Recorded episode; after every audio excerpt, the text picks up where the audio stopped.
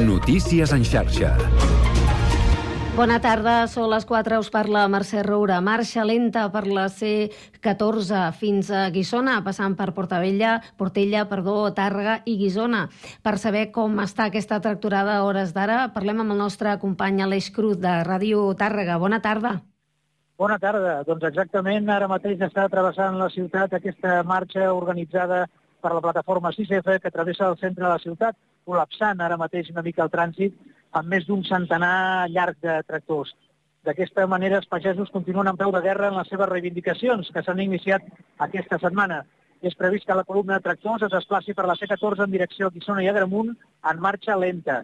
Entre altres coses, recordem, la pagesia catalana es queixa per l'accés de burocràcia, pels baixos preus que els paguen les distribuïdores i pels eh, plans de les administracions per afrontar la sequera. Demanen ajudes per millorar la competitivitat, reciprocitat en importacions, entre d'altres. Moltes gràcies, Aleix. Doncs estarem atents de com evoluciona aquest tema. I no deixem de parlar de les reivindicacions dels pagesos, perquè aquest matí un centenar d'ells, amb una trentena de tractors, han rebut la vicepresidenta del govern, Laura Vilagrà Cacerres, a l'Alt Berguedà, per seguir pressionant a l'executiu. Vilagrà ha anat a aquest municipi per presentar l'avantprojecte de llei de l'Estatut de Municipis Rurals de Catalunya. Escoltem un dels pagesos que l'han rebut, l'Eduard Lledó. I si nosaltres estem representats per aquesta gent, i aquesta gent no ho veu clar, que no, que no les coses no s'estan fent, que es plantin i que els de sobre, que es plantin els de sobre seu. I si hem de, els d'aquí s'han de plantar amb els de Madrid, que es plantin. Que els de Madrid s'han de plantar amb els d'Europa, doncs que es plantin. Perquè ens estem farts. I la pagesia està fins als collons d'això. Estarem pendents, ja us dèiem, com evolucionen les mobilitzacions aquesta tarda. I no deixem la mobilitat perquè recordeu que avui hi ha vaga de Renfe convocada per comissions obreres a Renfe i a DIF i que al matí no ha tingut molta incidència. De fet, molts usuaris doncs, han trobat alternatives per desplaçar-se i anar a la feina. En el cas de Rodalies, recordem els serveis mínims decretats pel govern garanteixen dos de cada tres trens en hora punta al matí i a la tarda i un de cada tres a la resta de la jornada. Una protesta que també afecta els serveis de l'AVE i a la mitjana i a la llarga distància distància. I un darrer punt que també té a veure amb la mobilitat. Aquest butlletí ha estat parlant molt de, de la mobilitat. El tram de la B40 entre Olesa de Montserrat i Vila de Cavalls entrarà en funcionament el dia 16 de febrer, és a dir, el divendres vinent, d'aquí a tot just una setmana. Continuem pendents en els propers butlletins de com evoluciona, com està el trànsit, com estan les carreteres i com estan aquestes protestes. Fins ara.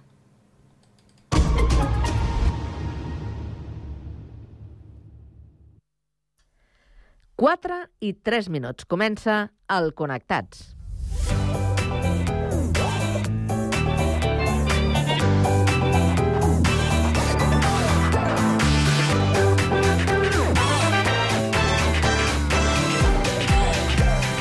Connectats amb Carme Reversa.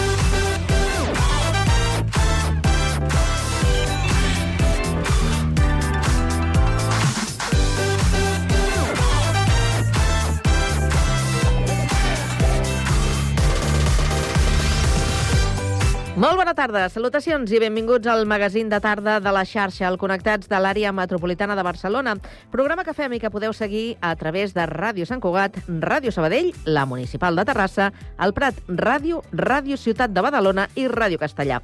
Una salutació de tot l'equip conduït a la part tècnica per Joan Miguel Fernández, Sami Fernández a la producció i de qui us parla, Carme Reverte. Avui és divendres 9 de febrer i volem saber quin temps ens espera aquesta tarda. Lluís Mi Pérez. Un temps molt ensupit, a més de la meitat del territori català i, de fet, amb aquestes pluges que van caient encara, especialment a les Terres de l'Ebre, a les comarques del sud de Lleida i, en menor mesura, a la resta de Tarragona i també fins a l'àrea de Barcelona. Ha registres de pluja de les últimes 12 hores que han arribat als 8 o 10 litres per metre quadrat en alguns municipis, sobretot de Tarragona i del Pla de Lleida. I en canvi a gran part de Girona el que està bufant és el vent de Garbí i per tant s'endú les pluges. Sí que arriben núvols però són més esquifits.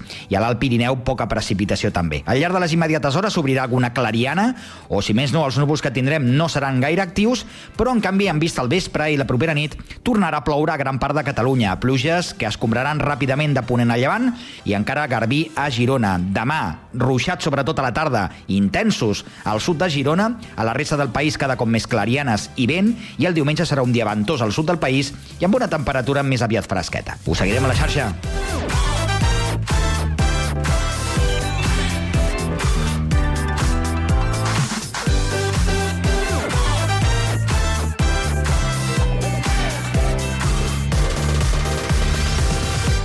Doncs avui al Connectats escoltarem els arguments de tres enginyers que suposen a l'ampliació de l'aeroport del Prat en els termes proposats per AENA. Acabarem aquesta primera hora amb la tertúlia generalista per analitzar algunes iniciatives per fomentar l'ús del català entre els alumnes i una sentència històrica als Estats Units que condemna una mare per la matança del fill. A partir de les 5 coneixerem el castellarenc Carlos Lecegui, integrant de l'equip de Roger Pedrós al Benidorm Fest. Sabrem qui ha fet bullir les xarxes aquesta setmana amb Sami Fernández. Repassarem les estrenes de la cartellera cinematogràfica amb Jordi Guillem i marxarem de cap de setmana amb l'agenda del Connectats. Tot això i més des d'ara i fins a les 6 de la tarda a la vostra emissora local. Connectats? Comencem!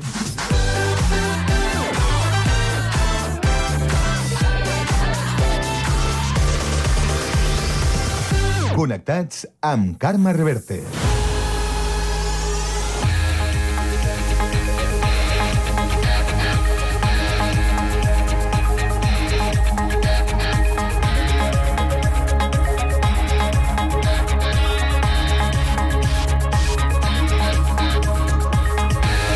A les 4 i 7 minuts ens actualitzem, ho fem amb la ronda d'actualitat, que avui també obrirem per Terrassa. Sergi Estapé, bona tarda.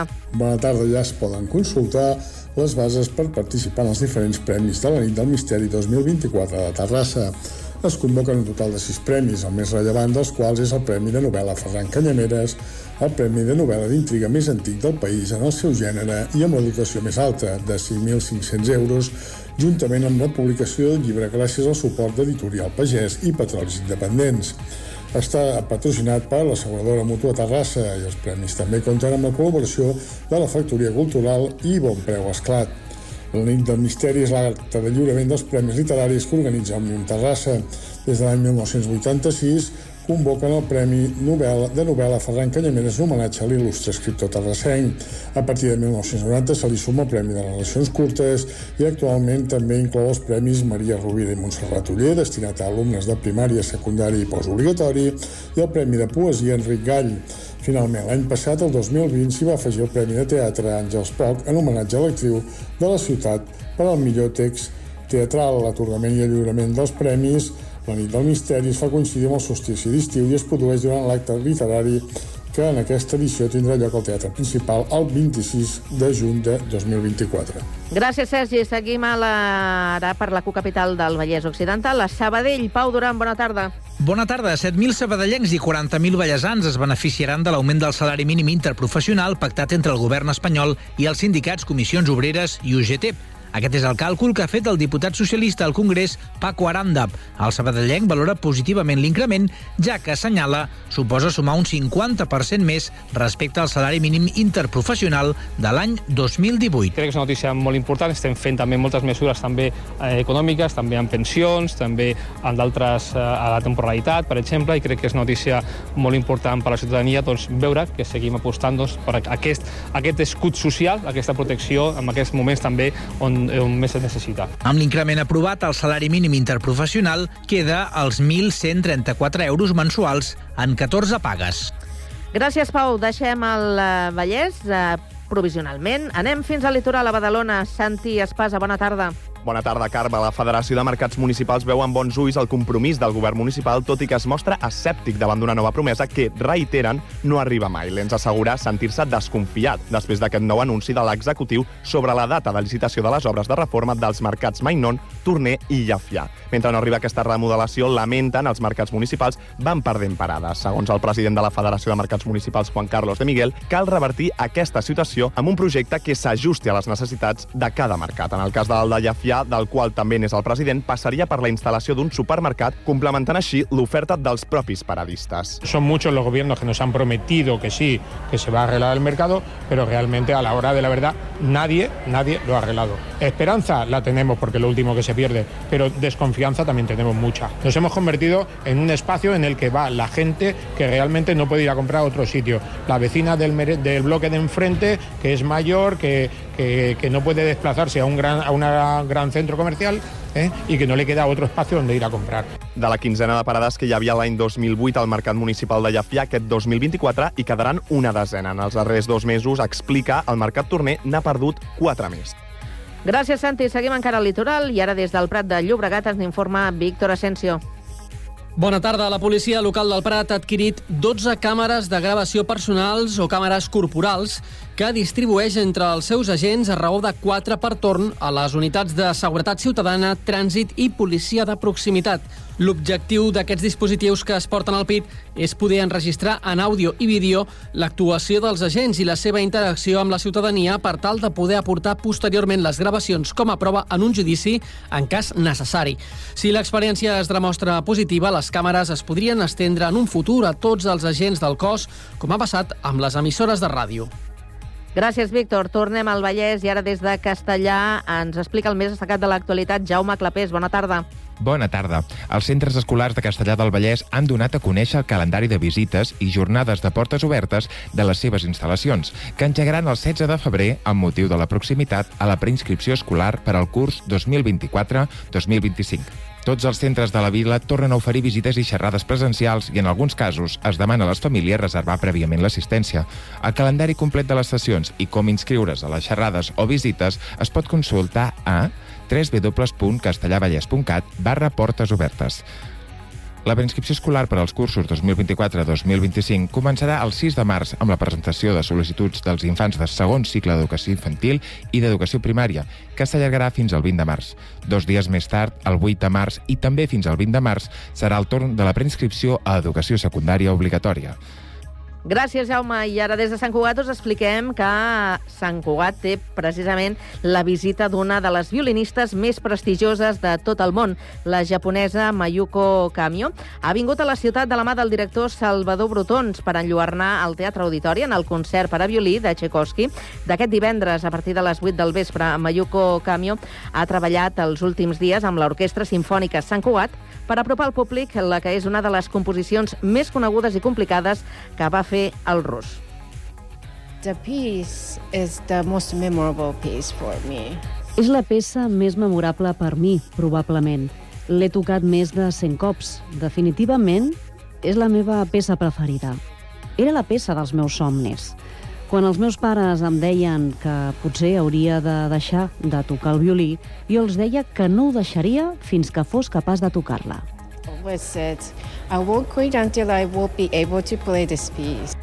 El director de l'Orquestra Simfònica Sant Cugat, Salvador Brotons, ha reflexionat sobre el privilegi que és el fet que Mayuko Kamio hagi vingut expressament des del Japó per formar-ne part del concert. És una és, és extraordinària, és una, és una qualitat, eh, allò que dius, un concert de Tchaikovsky és el concert, potser el concert més difícil que mai s'ha escrit per violí. Una, dos, eh, el toca amb una soltura i amb una, amb una elegància extraordinària, amb uns matisos extraordinaris, amb una tècnica perfecta, i veritablement és l'estrella del concert. En el concert també hi haurà la peça d'Armand Grèvol, Ninona, i la sinfonia número 3 expansiva de Carl Nielsen. Encara queden entrades a la venda a la web del Teatre Auditori.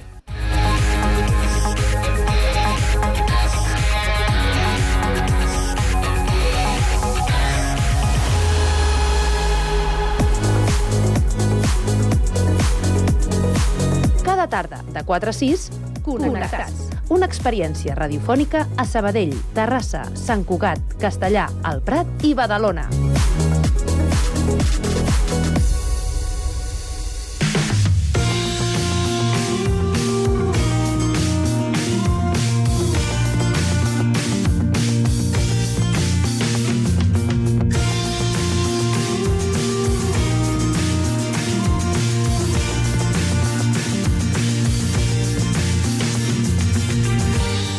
Tres enginyers aeronàutics eh, posen en dubte la necessitat d'ampliar l'aeroport del Prat per assolir la màxima capacitat operativa d'aquesta infraestructura.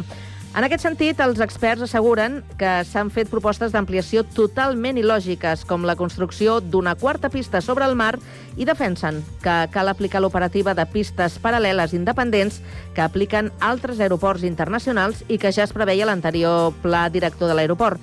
Marxem fins als estudis del Prat Ràdio, on ja hi tenim a punt en Víctor Asensio García. Molt bona tarda, Víctor. Bona tarda de nou, Carme. Tot plegat ho defensen en un article publicat al diari econòmic Via Empresa, on posen de relleu que moltes de les propostes fetes als darrers mesos i anys sobre l'ampliació del Prat venen de sectors que no coneixen el món aeronàutic ni les empreses del sector.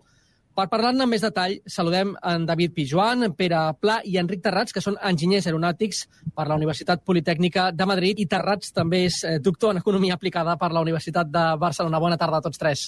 Bona Eh, veiem en aquest article que s'han oposat a algunes de les propostes fetes per la, aquesta ampliació eh, futura del Prat, que fa anys que ja ja volta i que surt als mitjans de comunicació. I, de fet, com dèiem, creuen que no cal aquest tipus d'intervencions per arribar a l'objectiu de les 90 operacions hora, que és aquest, aquesta xifra màgica que sentim eh, sovint eh, per part de, dels mitjans de comunicació, que s'hauria d'arribar per arribar a, a obtenir aquesta, aquesta plena operativa de l'aeroport del Prat. Com creuen que es podria assolir aquesta xifra? Bé, doncs aquí eh, l'important que cal dir que diem el nostre article és precisament que es faci el que diu el pla director que es va aprovar fa ja una pila d'anys, vaig ser a vora de més de 20 anys que es va aprovar. A principi, és clar, eh, com les necessitats de l'aeroport de Barcelona eren diferents de les que hi ha, hi ha ara, és a dir, fa 20 anys no, no calien, diguéssim, per arribar a la màxima capacitat operativa. Això per una banda. I per l'altra, que, diguéssim, perquè el, aquest pla director va sortir històricament d'una comissió mixta entre l'Estat, la Generalitat i els ajuntaments que estaven tant Gavall com al Prat, doncs va, va arribar a un consens perquè doncs, s'aprovés el pla director amb la configuració de pièces independents i en tant que no es necessités, se fes la, la, la configuració d'operacions agregades però com el temps ha canviat, en el sentit que el, el número de vols ha anat creixent en el temps, doncs es fa ara necessari dur a terme tal com ho tenim. És a dir, eh, que si s'aplica la confederació de piezas independents, tal com és, fent canvis a través d'un ens públic empresarial que es diu Enaire, que abans era tot junt, però ara Aire és, és diguéssim, temes de gestió en Aire és una empresa pública que es dedica a l'aeronavegabilitat, a la circulació aèria i a la navegació aèria. Doncs, en Aire s'hauria d'encarregar fer el canvi de la configuració, estudiant, diguéssim, configurant l'espai aeri, perquè s'establís la configuració d'IPs independents. Això és l'únic que caldria fer a partir d'ara si es vol tenir aquesta configuració. Això què suposaria per l'operativa eh, diària de l'aeroport del Prat? Perquè recordem eh, que hi ha unes pistes on hi ha enlairaments, altres on hi ha eh, l'aterratge, aquestes dues pistes eh, paral·leles, que de fet aquest pla director preveia que fos l'operativa de forma diferent a com s'està fent actualment eh, per un tema de molèsties al, al veïnat. Com afectaria llavors aquest canvi que vostès proposen a l'operativa de, de l'aeroport? Bé, doncs, simplement la configuració de pistes independents vol dir que en determinades franges horàries, sobretot a les franges més hora punta del matí i hora punta del vespre, es poguessin tenir per, per, a les pistes independents onades d'arribades i de sortides a l'hora. És a dir, doncs, no utilitzar una pista per arribar a altres sortides, sinó aprofitar, no durant tot el dia, evidentment, sinó en determinades hores punta, a primera hora del matí o al vespre, doncs que, eh, diguéssim, eh, els avions poguessin sortir eh, en, en, en, durant l'espai d'una hora arribades, sortides, arribades, sortides, fins a arribar doncs, a, a la màxima capacitat operativa. Això és, simplement és un, és un tema de configuració de l'espai aeri. Això no és una cosa que s'hagin inventat vostès, això és un tema que ja es fa en molts aeroports internacionals. I, i, i, la meva, I la meva pregunta seria, i per què aquest, aquesta canvi de configuració de pistes o la utilització de les pistes independents, eh, paral·leles independents, no es fa si sembla a priori molt més econòmic que no pas fer una gran inversió econòmica en l'ampliació de la infraestructura? bueno, eh, a, a veure, eh, si no cal fer-ho perquè amb aquesta configuració, com fan a l'aeroport de Múnich, a l'aeroport de Milà o a l'aeroport d'Amsterdam, per dir, no dir ja l'aeroport de Heathrow, que, és, que està en una altra divisió, o l'aeroport de Gateway, tots aquests, aquests aeroports operen aquesta configuració. Aquest no és un tema innovador, és un tema ja fer feina a tota Europa, això. No, no, és, no és que, diguéssim, a Barcelona sigui diferent, sinó simplement que fent això no cal fer cap, diguéssim, més configuració, o sigui, més infraestructura aèria a l'aeroport de Barcelona, perquè ja, ja la tenim, diguéssim. El tema de fer una pista al mar, a part d'altres sistemes que hi ha altres qüestions que després poden sortir, ara, en aquest moment, si la diguéssim, ja, ja tindríem el, la base per tenir vols arreu, de tot arreu. Per què? Perquè doncs, les, tant una pista com l'altra, la més actual, més a vora del mar, i la més eh, a terra, doncs es podia, diguéssim, establir l'operativa a dient perquè, diguéssim, la màxima capacitat operativa. quan sempre que necessités, perquè durant el dia no, no cal tenir les 90 operacions hora, sinó en determinades hores punta. No? I en aquest sentit, per què creuen vostès que AENA optaria en un primer moment per aquesta idea més de l'ampliació, que és, eh, insisteixo, una despesa econòmica molt més gran i també al llarg del temps imagino que també seria molt més complicat dur a terme que no passa a fer aquest canvi de, de configuració de pistes? Bueno, és un tema, és un tema polític, no? És un tema polític perquè, com, com pot suposar això que comentava l'Enric, de per què des d'un inici doncs, eh, s'ha operat en pistes segregades, doncs, evidentment això té un impacte acústic menor. menor. També és, és comprensible no? que, que diguéssim, enfocar ara aquest tema d'anar a les pistes independents doncs, crea, doncs, al principi, doncs, una, una dificultat a l'hora d'explicar-ho. Però justament, eh, diguéssim, s'han d'explicar les coses. És a dir, l'aeroport és, un, és un sistema que no, no, no s'improvisa ni es fa un aeroport cada, cada any, per dir-ho així, no? I, a més, els, els emplaçaments per fer els, els aeroports són molt singulars. No es pot plantejar fer aeroports eh, constantment, no? Aleshores, l'entorn de l'aeroport sempre és un entorn afectat. I, i tots els aeroports d'Europa, que tenen un cert nivell, tots eh, tenen afeccions. Però no n'hi ha cap que treballi amb una restricció com la que tenim avui. Aleshores, si, si, si realment es vol dotar eh, Barcelona d'un aeroport que sigui, diguéssim, que tingui capacitat, doncs hem, hem, de tornar, hem de tornar als inicis, no? hem d'anar a buscar doncs, eh, com es va dissenyar aquest aeroport. I, i això s'ha de saber explicar i s'ha de poder, evidentment, justificar. I aquest, aquest tema, doncs, políticament, sempre costa més. És més fàcil sempre parlar d'ampliació i no d'afectacions. Però aquestes afectacions amb una ampliació les hi hauria, perquè hi hauria afectacions mediambientals, però abans d'entrar en el detall eh, d'aquestes eh, aquestes ampliacions, permetin que insisteixi en aquesta idea del canvi de configuració de pistes, perquè evidentment una de les oposicions que hi ha en aquest plantejament és el del soroll, el soroll a, a la zona de, de Gavà, Castelldefels, Viladecans, eh, que ha trobat oposició per part política també a, a, aquesta idea, però veiem altres aeroports eh, internacionals, europeus, que es troben enmig de ciutats on, evidentment, l'afectació del so és fins i tot encara més gran que la que puguin tenir en aquestes zones eh, del Baix Llobregat, però hi ha hagut elements com, per exemple, insonoritzacions. Vostès en l'article de, de Via Empresa puntualitzava no? que AENA havia fet entre el 2000 i el 2019, és a dir, pràcticament en 20 anys, eh, inversions en 13.000 projectes d'insonorització, mentre que en el mateix període a Barcelona només n'havien fet eh, 50. Eh, crec que no pas per culpa d'AENA, precisament, sinó més aviat dels consistoris de les zones afectades que no estarien d'acord no? amb, aquesta, amb aquesta idea. Però per què eh, no es fan aquests projectes d'insonorització? No es fan perquè, com que les pistes operen aquestes restriccions, les de Barcelona, no calen. És a dir, si tu eh, no provoques el, el soroll, no cal insonoritzar. Però per què no provoques el soroll? No el provoques perquè evites que les pistes treballin com, estan, com han d'estar dissenyades, com, com es van dissenyar. No, no només és, és el cas de, de Madrid, que és claríssim, no? Madrid és on s'han fet més projectes d'insonorització a tota la, tota la regió, tota la zona de Barajas, no? I, i altres, no? Tens també els casos d'Alacant, tens els casos de Màlaga, on hi ha un impacte, hi ha hagut un impacte, hi ha hagut projectes d'insonoritzacions de milers, milers de vivendes també. Eh?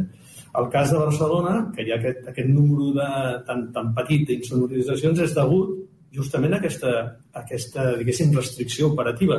Si les pistes operessin com, com estan dissenyades, evidentment tindríem que, que insonoritzar un volum de, insonoritzar un volum de vivendes doncs, de l'ordre com s'ha fet, doncs, per dir-ho així, a Mala o Alacant, o a, o a barajas, no? que són, són afeccions, evidentment. I això, aquest, aquest, aquest concepte, eh, s'ha de poder explicar i s'ha de poder, diguéssim, s'ha de voler i, i poder explicar bé. Per tant, voldríem dir que si féssim aquesta aplicació, aquest canvi eh, d'operatives, afectaríem acústicament a una zona eh, concreta propera a l'aeroport, però hi haurien solucions per evitar aquesta afectació. Per tant, és a dir, no seria un, un problema real eh, a, tot a, a llarg termini, sinó que potser seria en el moment de posar-se en marxa, hi hauria un, un sistema d'insonoritzacions que podrien igualar-nos a altres aeroports eh, de l'entorn. Eh, permeti'm que entri ja amb altres idees que s'han anat dient al llarg d'aquests mesos. La primera i la més eh, sonada va ser l'allargament de, la, de la tercera pista 300-500 metres eh, cap a la zona de la Ricarda, cap a l'estany de la Ricarda, una zona protegida a nivell d'Europa i que encara està pendent de més protecció eh, mediambiental i que afectaria directament una zona d'estanys amb fauna i flora eh, protegida i amenaçada. Eh, per què creuen que aquesta no és una bona idea, eh, l'ampliació de la tercera pista, amb les diferents eh, alternatives que s'han fet, eh, que s'han parlat de pilones aixecades, s'ha parlat directament de cimentació, per què creuen que no és viable? Bueno, eh, abans volia fer, volia també explicar-te una cosa que és, ara que parles de les alternatives, una cosa que s'ha vist és que en el cas aquest de les alternatives, per exemple, carregar aquesta pista que tu comentaves, eh, no és que no sigui una, una bona solució o que, que, que solucioni coses, que òbviament soluciona coses. El tema és que la, la major, és a dir, la major, que és entendre que avui estem en segregades i podríem estar independents, eh, no s'ha posat sobre la taula com una alternativa que tindria que jugar, si calgués, amb el territori per apoyar altres possibles alternatives. És a dir, si nosaltres eh, en moments del dia féssim servir, com deia l'Enric, la necessitat d'aquestes pistes independents, per exemple, a les primeres hores del matí estem parlant d'una franja que va de les 5 del matí a les 8 del matí. Eh? De 5 a 8, de 5 a 9, és on avui l'aeroport té les tensions més grosses. Per què? Perquè les aeronaus han dormit en l'aeroport, potser han dormit 50, 60 aeronaus, 70 aeronaus, i aquestes aeronaus tenen que sortir amb un espai de una hora, dues hores, tres hores. És clar, la competitivitat de l'aeroport està que aquestes aeronaus puguin sortir quan abans. Aleshores, avui tenim una gran restricció operativa en aquestes franges. Ara imaginem-nos que hi haguessin solucions que combinessin eh, allargament de pistes amb la possibilitat d'operacions independents en certes franges que són les més, les més diguéssim, congestionades. Això també seria viable. És a dir, al final l'important és explicar a la ciutadania, explicar al territori, però no només al territori afectat, sinó a Catalunya, perquè al final l'aeroport és una infraestructura eh, catalana, el, com opera, per què opera així i quines restriccions tenen. I poder entendre, que tothom entengui, que hi ha afeccions, però també hi ha, diguéssim, des d'un punt de vista global, avantatges avantatges, amb les inversions que s'han de fer, amb els impactes que s'han de fer, que s'han de posar tots sobre la taula. Políticament no sol interessar gaire parlar dels efectes negatius, però des d'un punt de vista de ciutadania és important entendre que no es pot, diguéssim, eh, amagar una realitat pensant que en grans inversions farem aquí, eh, no sé, inventarem la sopa, no? com aquesta pista al mar i tot això. Aleshores, dit això, dit això, una pista, allargar la pista aquesta que estaves comentant tu ara, no és una cosa, eh, diguéssim, que s'ha de diguéssim que no s'ha de considerar perquè és, és, pot ser bo perquè et donaria inclús més, és el cas, més capacitat, però si no, si no ho conjuguem amb aquesta operació independent, aquest increment de capacitat només, només amb aquest allargament, significaria per l'aeroport un increment d'un 15%. Aleshores, tu estàs mobilitzant uns recursos molt importants, estàs fent, per dir-ho així, grans inversions per un guany d'un 15%, que el tens en dos anys, el tens ja, eh, te l'has polit, perquè la, la demanda va a un ritme important, no? Per tant, s'han de conjugar les coses. I hi ha l'altre brindis al sol. Ens quedem sense temps pràcticament, però m'agradaria comentar-lo, que és aquest brindis al sol pràcticament que es va fer aquesta quarta pista al mar, que semblava una bogeria quan es va plantejar, però vostès també més o menys ho analitzen de la mateixa forma, oi? Sí, efectivament. A, a veure, eh, la pista al mar és, és un, és una idea, diguéssim, de, de, de les més, eh, diguéssim, xocants pels que entrem de la qüestió, perquè, com ja ha dit el David, doncs amb el que tenim ara no cal fer-ho perquè ja podem fer-ho. Si aprofitem, eh, diguéssim, eh, i, i els polítics estan d'acord o s'arriben a posar d'acord perquè puguem utilitzar la configuració operativa del, del sistema de pistes independents. Això per una banda. I per l'altra, a part de, de tot el tema mediambiental que suposaria doncs, eh, l'impacte aquest tan gran que hauria sobre la, la, la, la, la platja de, del Prat, que seria doncs, eh, carregar-se la, de, de, de clar, doncs eh, hi, hi haurien altres, altres impactes, sobretot els de negoci de les companyies aèries, perquè, és clar, eh, fer una pista al mar a la distància de la platja és tan enorme que, com ja diem en l'article, doncs, eh, a les companyies aèries, a part del tema, el tema del, del cost del combustible que haurien de, de fer servir per rodar l'avió fins a, a, a, la, la, la plataforma d'estacionament i agafar les, els passatgers, suposaria, doncs, eh, pèrdua de, dels seus diners perquè les companyies, el seu negoci està en volar. I llavors, eh, està rodant eh, X minuts en una hora, doncs, eh, si, si perds ja el 20% d'una hora, doncs eh, amb ells no li resultaria per a res, o sigui, al contrari, en, en lloc de atraure les companyies aèries perquè vinguessin a l'aeroport, les companyies aèries internacionals, me refereixo a les que facin vols intercontinentals, seria el contrari, doncs. A l'hora de la veritat, preferien tenir una prop, el més a prop que tenim, que és el de Madrid, perquè allí no tenen cap, cap obstacle de cap mena. Perquè a terra, a terra i al costat ja tenen la zona d'embarcament i no han d'estar fent el rodatge aquest eh, etern fins la, fins la pista de l'aire. Sí, malauradament, ens quedem sense temps, malauradament. Eh, interessantíssim el que vostès ens plantejaven i, de fet, rematem a la nostra eh, audiència, als nostres oients, que vagin fins a aquest article de, de Via Empresa, perquè ja vostès expliquen de forma meravellosa tots aquests elements eh, que, que fan pensar que no és necessària una ampliació de l'aeroport en els eh, termes en què s'han plantejat fins, fins ara i els hi agraïm moltíssim que ens hagin atès avui als serveis informatius del Prat Ràdio. Moltíssimes Moltíssimes gràcies a David Pijuan, a Pere Pla i a Enric Terrats, enginyers aeronàutics per la Universitat eh, Politècnica de Madrid. Moltes eh, gràcies i bona tarda. Gràcies.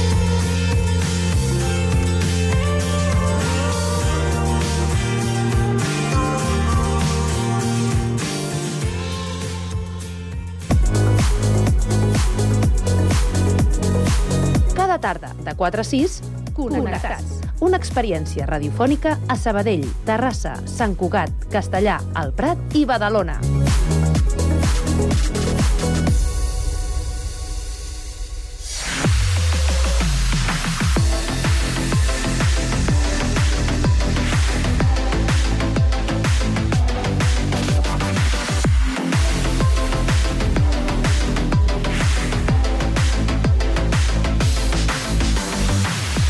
Passen 3 minuts de dos quarts de 5 de la tarda i ara ens disposem a obrir aquesta finestra a l'opinió, la tertúlia Tres Bandes, que avui la compartim amb la Marina Domènech, que és estudiant de Comunicació Audiovisual i ens espera a Sabadell. Marina, bona tarda. Bona tarda. Què tal, com estàs? Molt bé, molt sí? bé. I quin temps Sí. fa a Sabadell? Ja no plou, no? No, no, no, no, no plou. Això m'ha sorprès. M'he agafat un paraigües per si acas, però no, no. De moment no plou. No. Fa sol? Una miqueta, Una depèn. mica. Plou, bueno, va sortint així una mica, però sí, sí, fa una mica de sol. Molt bé, anem ara al Prat perquè ja hi tenim el Jordi Gili, que és president honorífic d'Amics de, del Prat. Jordi, bona tarda. Hola, bona tarda. Tu què tal, com estàs? Uh, bé, bé, no entrem en detalls, oi? Bé. I plou, no, al Prat? Aquí han caigut entre una i dues gotes aquest matí i Generós. ara fot un sol que es patega, vull dir que no... Sí, sí, sí, sí, sí, sí. Molt bé, doncs saludem també a la Roser Fernández, que és membre de l'Aula d'Extensió Universitària de Sant Cugat i ens acompanya a l'estudi. Què tal, Roser? Bona tarda. Bona tarda. Aquí també llueix el sol, no? Aquí fa sol, ara sí. Hem tingut plogeta al matí, que ha anat bé, i però ara, ara fa bo. Ara fa bo. Molt bé, doncs res, eh, feta la ronda meteorològica per saber quina és la situació al territori, eh, és moment d'entrar en matèria amb les propostes que us he fet eh, per avui. I avui parlem, tornem a, a parlar de, de la llengua, de l'ús del català, eh, per aquest eh, crit d'alerta que fan eh, eh, professionals de, de l'ensenyament, eh, concretament eh, un grup que es diu docents.cat, que han presentat, han presentat un decàleg de, de mesures per eh, impulsar eh, l'ús de, del català. Han demanat al departament una reunió que està prevista per al dia 21 de, de febrer i mm, estan realment eh, alertats perquè, segons afirmava una d'aquestes eh, professores, eh, sembla que eh, és molt fàcil aprovar l'ESO sense saber català. Vull dir que, mm, que s'estan posant eh, les... El llistó s'està posant molt, molt baix últimament. Eh, jo no sé si vosaltres eh, coincidiu, eh, detecteu eh, en el vostre voltant que això realment és així, sobretot en aquesta franja d'edat, estudiants de, de, d'ESO, de secundari i batxillerat. Vols començar, vols començar Jordi? Sí, sí, el mateix. Uh, efectivament, és, és així, no d'ara, sinó ja de fa... Passa que ha anat molt amb increment. Jo simplement us posaré un exemple, no és un exemple d'escola, però és un exemple de mainada d'aquesta edat. Uh, a l'esplai d'aquí a la parròquia, que el tinc just davant de casa, Mm. fa uns pocs anys, pràcticament era, era molt puntual algun nen que parlés en castellà, però fonamentalment els nens, entre ells, els monitors, etc etc, tothom parlava el català. En aquest moment no sento ningú que parli català. Mm. Això és el que tu detectes en, en el teu voltant, no? Sí, sí, sí, sí, sí. sí. Marina, en el teu cas? Jo, en el meu cas, sí que també crec que el català es troba en un estat crític i que al final eh, hi ha molts nens i moltes famílies que accedeixen a, a la llengua catalana a través del, de l'ESO i, clar, graduar-se amb un títol i no haver aprovat l'assignatura d'un idioma ja sigui català, castellà o anglès, eh, a mi em sembla molt greu, perquè al final tens un C1 i vas tu als llocs dient que tens un C1 de català i no el tens. Mm. I això, Mhm. clar... Dèiem que s'havia baixat el llistó, aquesta és la sensació almenys que tenen a, els eh, docents eh, especialitzats en, en aquesta matèria, mm. en llengua catalana i en literatura. I dic especialitzats perquè sembla ser que també reclamen que la, eh, els professionals que hagin de fer substitucions o que s'hagin d'encarregar de fer aquesta matèria doncs eh, també tinguin una, una bona formació, que no pugui ser qualsevol eh, professor que imparteixi la la- l'assignatura, no? Roser. No, això, bueno, és cert. El que passa que jo poder aniria a, a l'arrel d'això, perquè llegia una entrevista al subdirector del Centre d'Estudis Demogràfics eh, que deia que el 40% dels nens fins a 5 anys tenen el pare o la mare nascut a l'estranger. I jo penso que a vegades inclús pare i mare, els dos. Poder hem d'anar, diguéssim, a, la problemàtica que tenim com a país aquí, en aquests moments, no? Que hi ha molta gent que ha vingut de fora i que, que, que parlen castellà, que no, que, no parlen, que no parlen català. Després, si nosaltres som massa permissius eh, amb el fet de que, de que ens adaptem a, a la llengua castellana i no exigim, això, amb això podríem parlar-ne i estic d'acord, però, és clar hem de, tenim una realitat de país en aquest moment, eh? Perquè la canalla petits, la, la, la majoria de naixements que hi ha en aquest moment en aquí en el nostre país no són de gent d'aquí, són de gent de fora. Llavors, mm, mm, hauríem de ser poder exigents amb els nens a l'hora de, de, de que aprenguin el català, però vull dir que tenim un fet que, que, que, que pesa, eh? Mm. Ara tu estaves apuntant precisament eh, eh, el fet de... Eh, ara ja se m'ha anat. Se m'ha anat el, alçant al cel. Eh, però estàvem, eh, estàvem comentant al voltant de, del tema i una de les reclamacions que també fa aquest grup de, de docents, després quan vingui ja, ja us ho proposaré, eh, diuen el català no ha de ser atractiu sinó necessari. Sí. I això és el que reclamen al, al departament que de vegades en- s'entretenen molt a dir, mira, fem-ho d'aquesta manera, que potser els hi entrarà més fàcil, que serà com més eh, bonic, que, que ho tindran més, eh, més a l'abast, i en canvi no hi ha aquesta obligatorietat, aquesta mm, necessitat de- d'haver d'esforçar-se per... Eh, S'hauria de posar un, un mínim de temps, com fan en molts països europeus que tenen llengües minoritàries com la nostra, que en els estudiants els hi donen un any, dos anys màxim, o sigui, mentrestant poden fer els exàmens en allà en, en anglès, en aquest cas, però després per seguir tenint tots els beneficis que tenen com a, com a ciutadans que estan en aquell moment allà, sigui de sanitat, sigui de lo que sigui, eh, necessiten haver passat unes proves i te necessiten justificar que estan aprenent la seva llengua. I mm. això poder també amb això hauríem de ser una mica més exigents. eh, Sí, Jordi. No, jo, jo comparteixo molt en part la, la, el diagnòstic que feia la Roser, perquè és un tema que ve de lluny. Clar, Catalunya, així, a, a grans trets, amb, amb, amb menys de 30 anys, hem passat de 6 milions a 8 milions d'habitants. Mm. 8 milions que em sembla que ja són més, però bueno, mm. eh, a, a, a grans trets.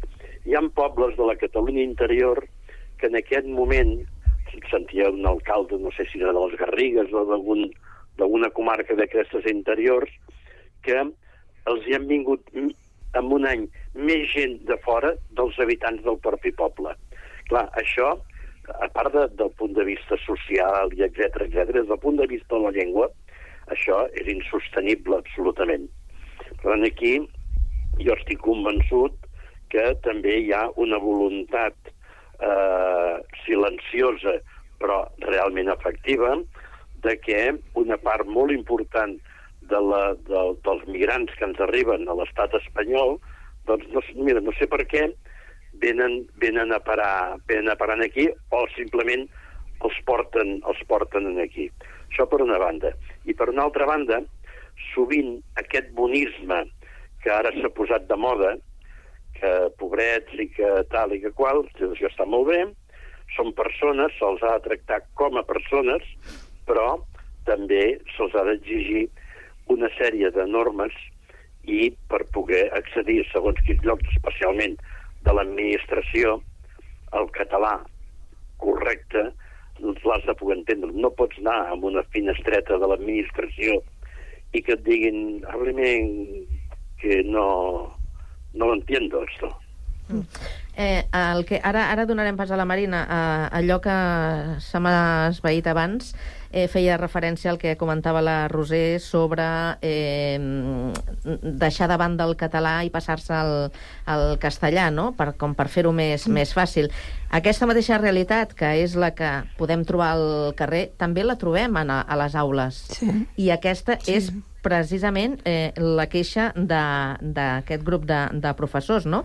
que per facilitar, diguem, la relació i la feina, el propi docent és qui eh, cedeix davant d'un alumne que segurament s'expressa en castellà. Però cedeix per sí. impotència, perquè, Marina. perquè no pot, no pot Mm, Depèn. abarcar-ho Bueno, tot. jo, jo per experiència personal, uh, no només passa a l'ESO batxillerat, jo vaig a la universitat, i ara s'estan posant una mica les piles, però sí que és veritat que jo he fet assignatures que en principi eren en català, però a l'hora de fer la classe el profe ha dit algú no entén el català, algú ha aixecat la mà i per una persona tots hem canviat el castellà.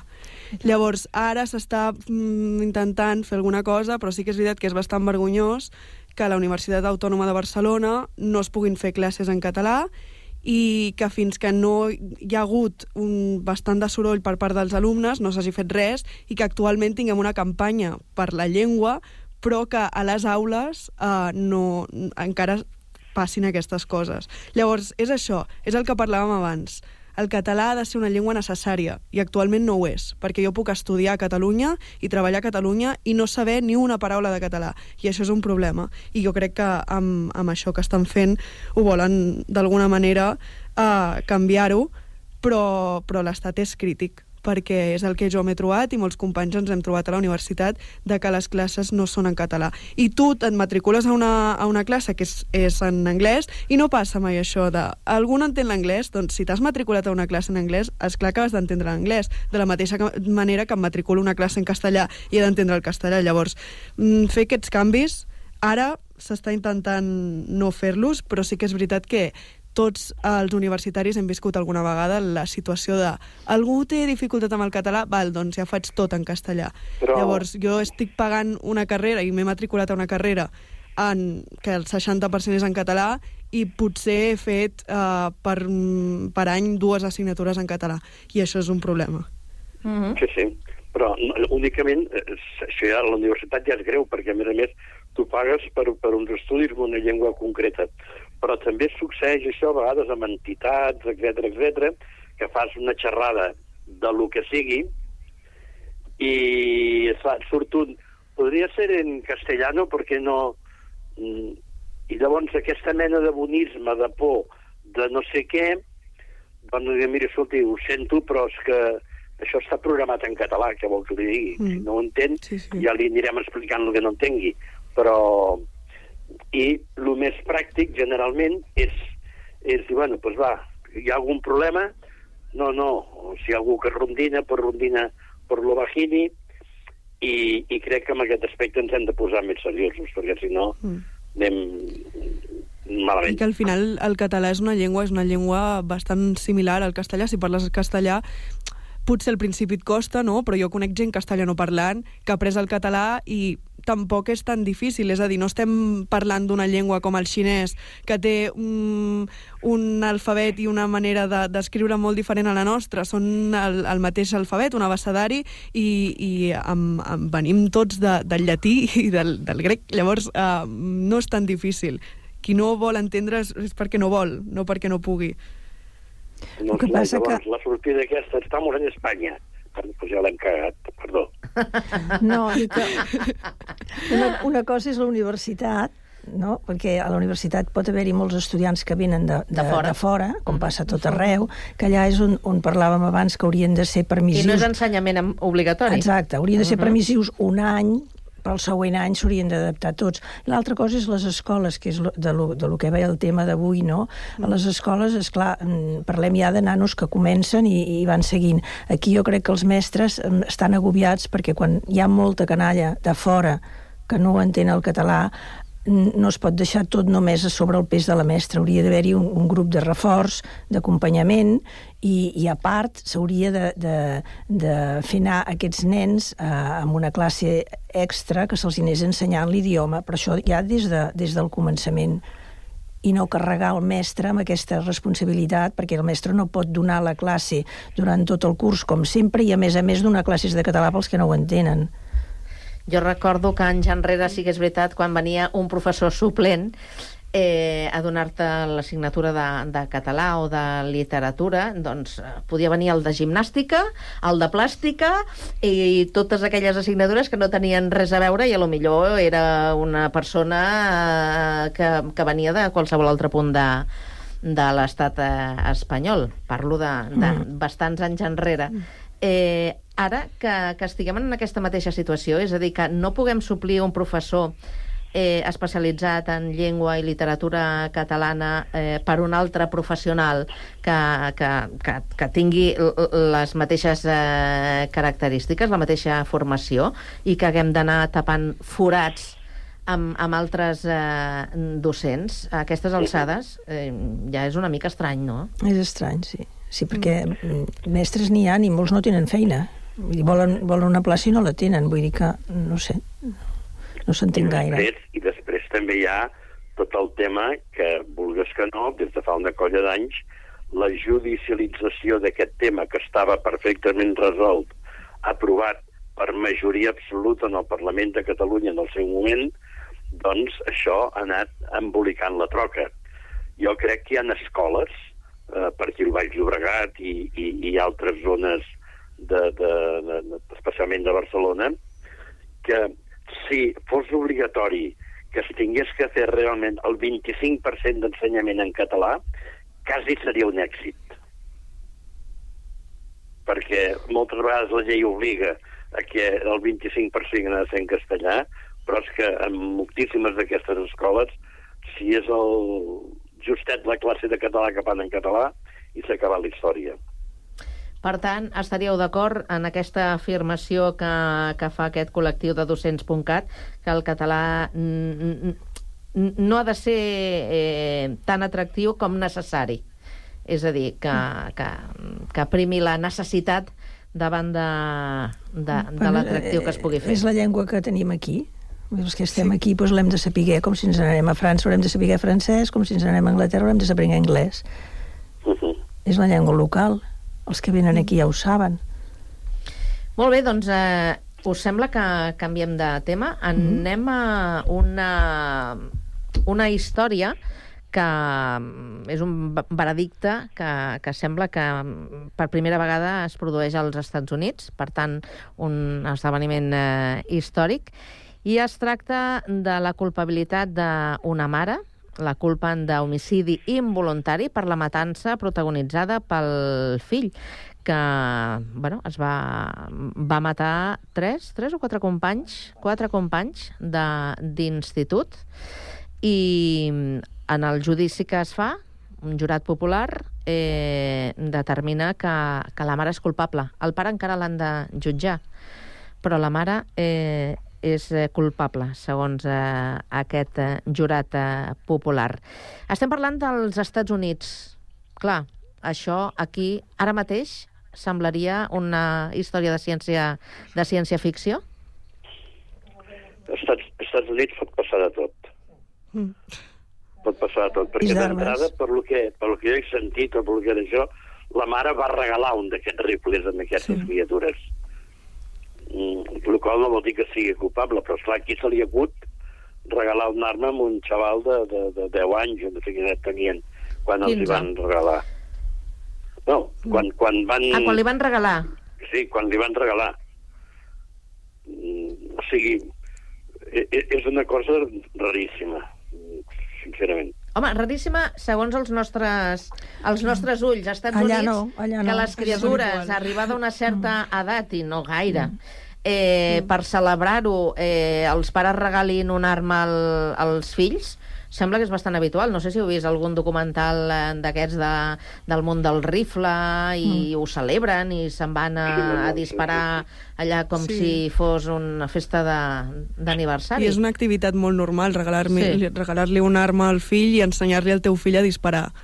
Ja sigui, no sé, Casano o contra llaunes, és igual, allà és molt habitual i a mi em sembla, a mi em sembla greu, clar, des de la nostra perspectiva, Clar. però és que no només li han donat a un menor una, una arma, sinó a un menor que era, bueno, Que no estava aquí bé. diu que, que no estava bé sí. i, i que ho estava passant malament i que a sobre va donar senyals de que no ho estava passant bé.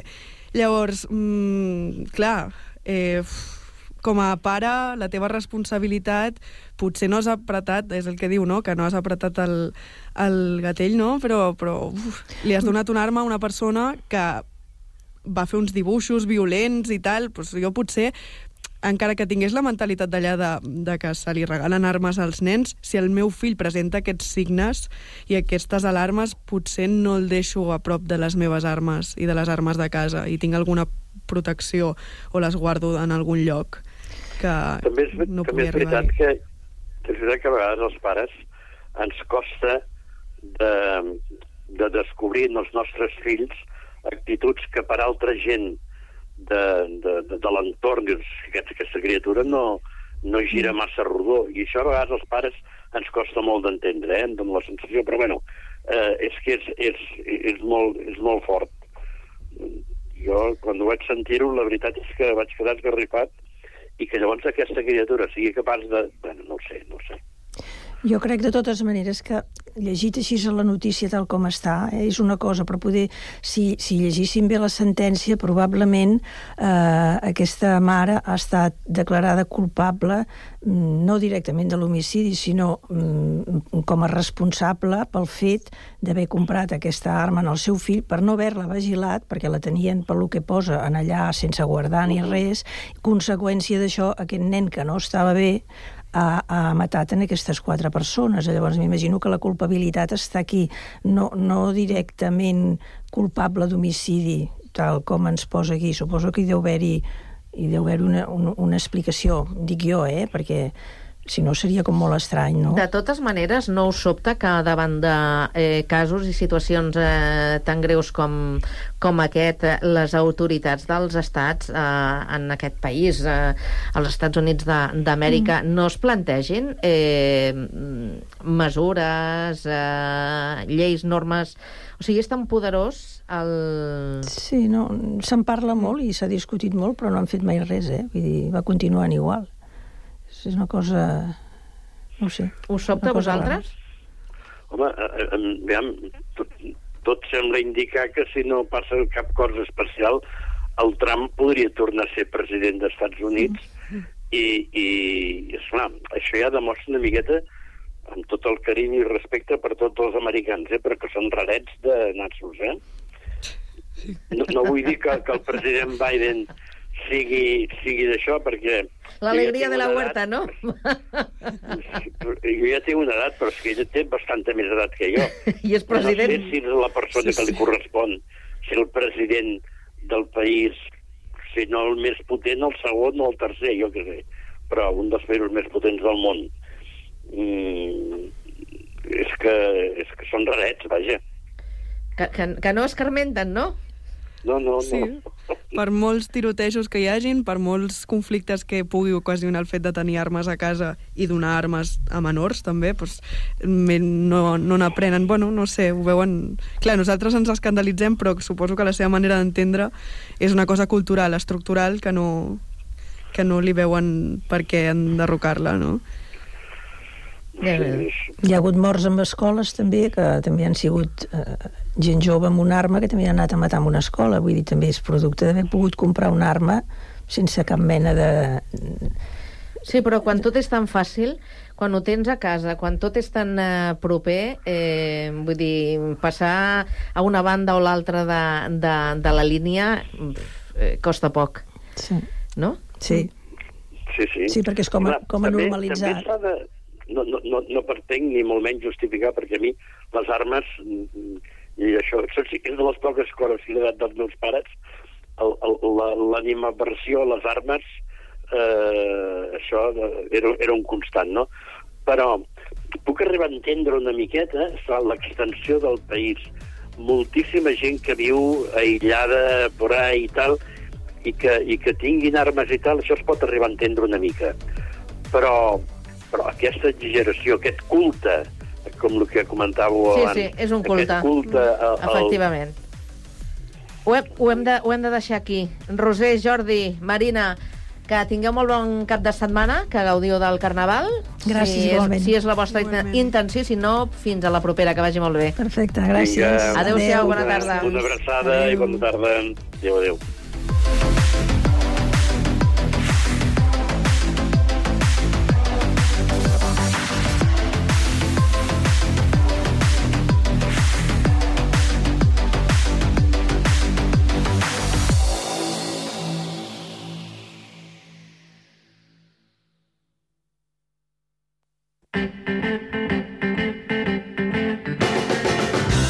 Sant Cugat, Braseria La Bolera, el restaurant braseria situat al vell mig de la ciutat. Més de 20 anys oferint la més alta qualitat amb tots els seus productes. En amanides, carns, verdures, Braseria La Bolera. Amplis menjadors per a celebracions familiars, batejos, comunions, casaments... Braseria La Bolera. Els que ja la coneixen sempre hi tornen.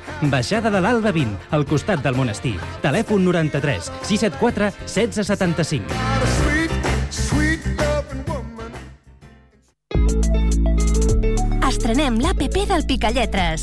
Paraules i jocs lingüístics per a tothom. Descarregueu-vos l'APP a Google Play o a l'App Store i comenceu a jugar. Cocodril Club. Si t'agrada la bona música dels anys 60, 70, 80, escolta Ràdio Sant Cugat els divendres a la nit de 10 a 12. És el temps del Cocodril Club, tot un clàssic de la ràdio. Recorda, divendres, de 22 a 24 hores, a Ràdio Sant Cugat, 91.5 FM. Cocodril Club, el programa revival de l'Albert Malla. Hasta luego, cocodrilo. No pasaste de caimán. Hasta luego, cocodrilo. La música descriu el territori. La paraula descriu la música. Música i paraula. Paraula i territori.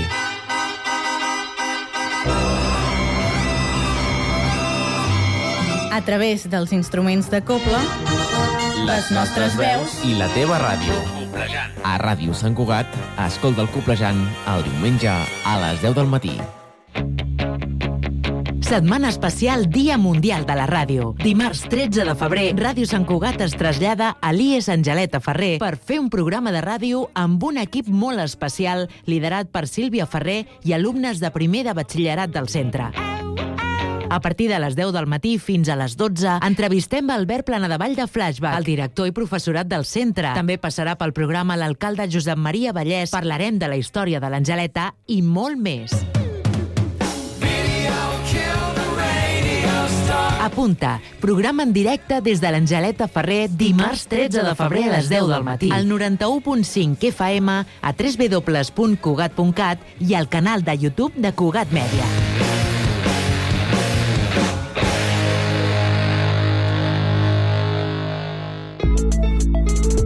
Estrenem l'APP del Picalletres. Paraules i jocs lingüístics per a tothom. Descarregueu-vos l'APP a Google Play o a l'App Store i comenceu a jugar.